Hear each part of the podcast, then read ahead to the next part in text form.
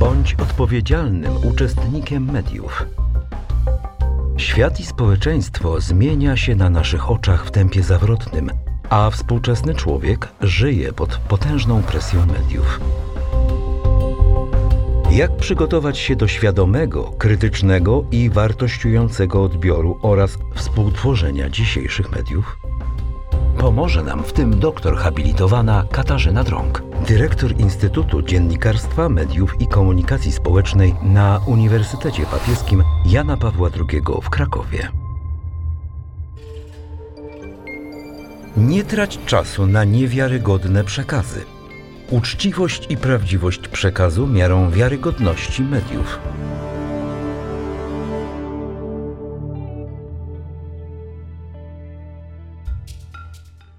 Nie trać czasu na niewiarygodne przekazy. Miarą wiarygodności mediów jest uczciwość i prawdziwość przekazu. W ostatnich odcinkach na problem manipulacji, czyli przekazów łamiących zasadę uczciwości, spoglądaliśmy z różnych perspektyw, porządkując naszą wiedzę o tym zjawisku, zgodnie z założeniem naszego cyklu, by spoglądać na media nie tylko z perspektywy komunikacyjno-komercyjnej, ale także z perspektywy intelektualno-moralnej. Aby dopełnić nasze dotychczasowe rozważania, warto przywołać przykłady technik manipulacji stosowanych w mediach, odwołujących się do psychologicznych aspektów naszego funkcjonowania. Wybrana garść przykładów spośród wielu technik i narzędzi manipulacji, z którymi możemy się spotkać, da nam wyobrażenie o omawianym zjawisku. I mam nadzieję, że staniemy się dzięki temu bardziej czujni, bardziej zdolni do właściwej oceny niepożądanych zjawisk i bardziej wyczuleni na uczciwość i prawdziwość przekazu medialnego. Przekazy medialne otaczają nas. Ich ilość, choćby ze względu na właściwość sieci, wzrasta nieustannie. Niemal każdy ma możliwość wytworzenia przekazu, który może osiągnąć duże zasięgi odbiorców. Żyjemy w czasach wolności słowa. Towarzyszyć powinny nam piękne i poruszające słowa Jana Pawła II, które bardzo lubię przywoływać, a które papież wypowiedział w Olsztynie w 1991 roku podczas pielgrzymki do ojczyzny. Mówił wtedy: Niewiele daje wolność mówienia, jeśli słowo wypowiedziane nie jest wolne, jeśli jest spętane egocentryzmem, kłamstwem, podstępem, może nawet nienawiścią lub pogardą dla innych. Jak można manipulować odbiorcą, wykorzystując jego emocje? Ważne pytanie, które powinno nam nieustannie towarzyszyć podczas świadomego odbioru treści, to pytanie o wykorzystanie przez nadawcę emocji. Pytanie, czy i ewentualnie w jaki sposób przygotowana treść ma wpływ na moje emocje jako odbiorcy. Często słyszymy przecież w mediach: to jedyna szansa, pośpiesz się, tylko dziś możesz skorzystać, dziś otwarte drzwi, urodziny sklepu, okazja. Często niestety także twórca przekazu medialnego chce intencjonalnie wzbudzić w odbiorcach strach. Bój się, nie myśl więc rozsądnie. Jeśli czegoś nie zrobisz, stracisz. Twoje bezpieczeństwo będzie zagrożone, jeśli nie zmienisz poglądów, nie podejmiesz jakiejś decyzji, niewłaściwie zagłosujesz. Będziesz wykluczony ze wspólnoty, wyśmiany. Manipulator może posłużyć się presją psychiczną, wzbudzeniem na przykład poczucia winy. Jeśli chcesz dobra swojego dziecka, musisz to mieć. Jeśli nie kupisz, jesteś wyrodną matką, ojcem w podtekście.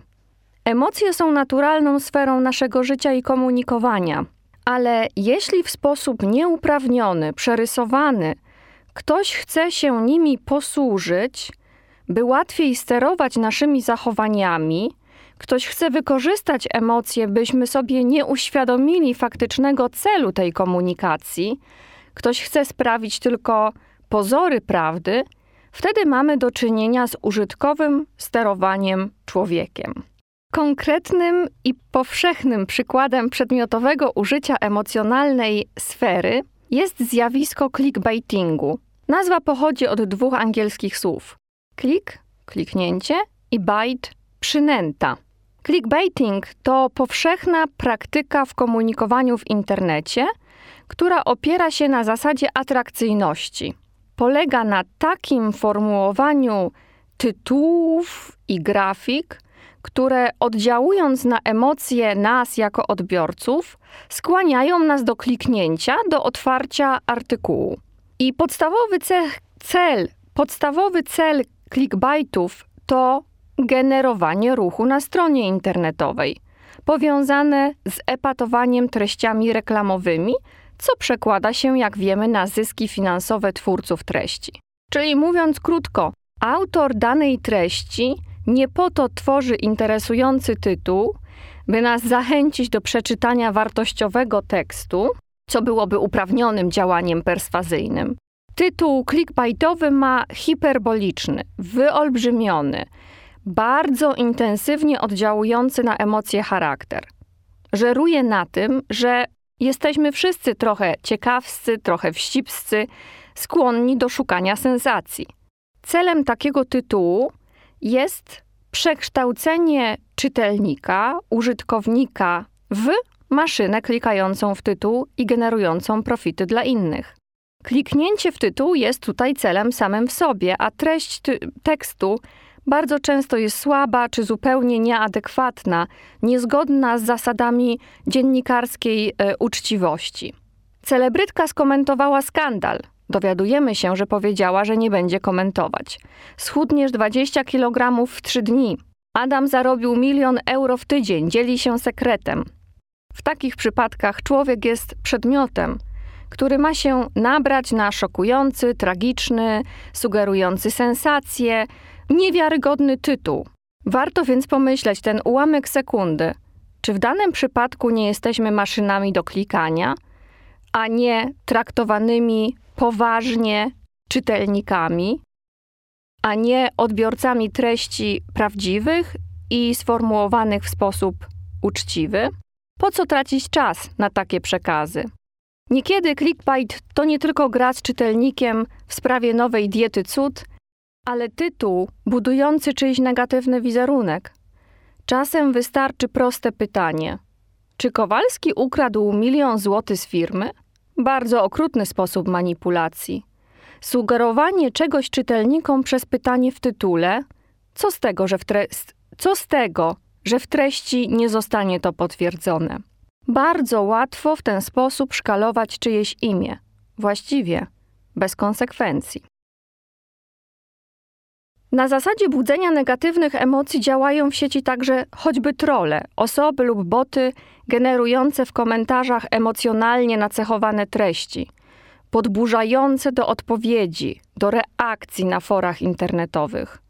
Trolling to, mówiąc kolokwialnie, wbijanie kija w mrowisko, prowokowanie oparte na zaplanowanym manipulowaniu wzburzeniem innych osób, sianie zamętu w celu kształtowania określonych opinii i osiągania własnych celów.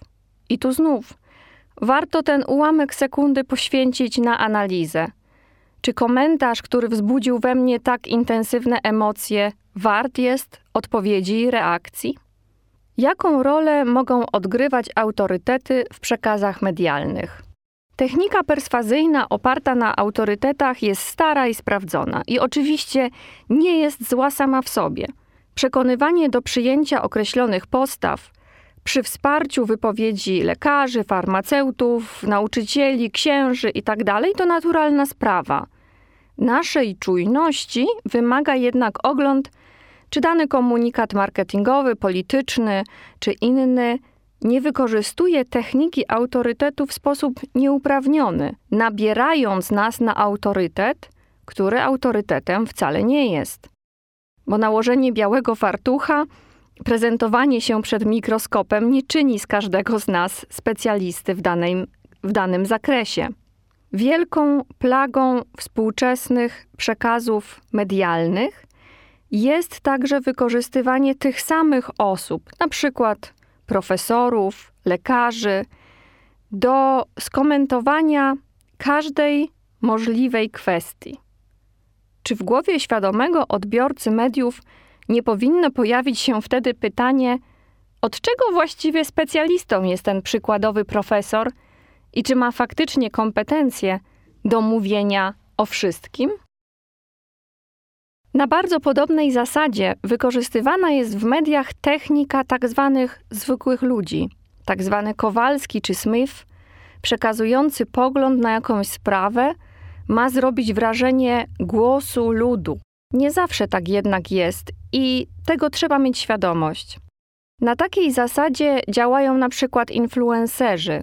Na początku słyszymy zapewnienie: Będę dla Was sprawdzać skuteczność kremów i dzielić się opiniami zwykłej konsumentki. I zmęczeni tak zwanymi oficjalnymi przekazami marketingowymi, reklamami, wierzymy takiej osobie. Niedługo później może się okazać, że dana influencerka działa na zlecenie firmy, którą promuje, jako tak zwany zwykły człowiek. Jan Paweł II mówił: Każdy podstęp wobec drugiego człowieka, każda skłonność do używania osoby ludzkiej w charakterze narzędzia wprowadza w życie społeczne atmosferę kłamstwa. Pokazując wybrane przykłady potencjalnych pól manipulacji prawdą, czyli manipulacji odbiorcą, uświadamiamy sobie podstawową wartość prawdomówności i uczciwości. Bez tych nie ma w ogóle mowy o wartościowych i wiarygodnych przekazach. Najważniejszy jest cel, najważniejsza jest ta intencja, która przyświeca nadawcy danego komunikatu. Czy chcę zrobić z mojego odbiorcy narzędzie? Czy chcę, żeby to był robot wykonujący moje w cudzysłowie rozkazy, klikający w treści, które ja chcę, żeby były kliknięte?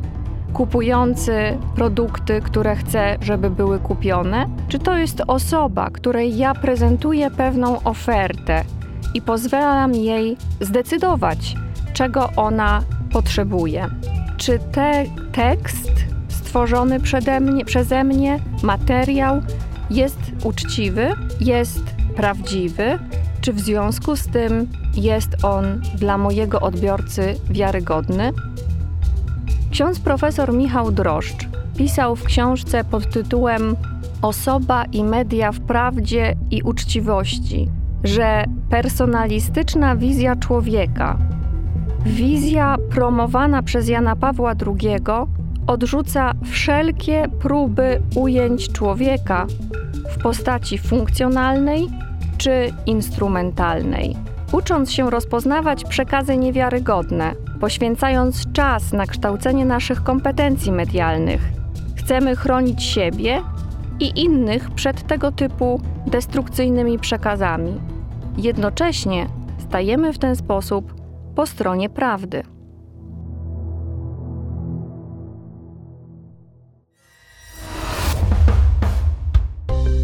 Audycja powstała przy współpracy z Instytutem Dziennikarstwa, Mediów i Komunikacji Społecznej na Uniwersytecie Papieskim Jana Pawła II w Krakowie.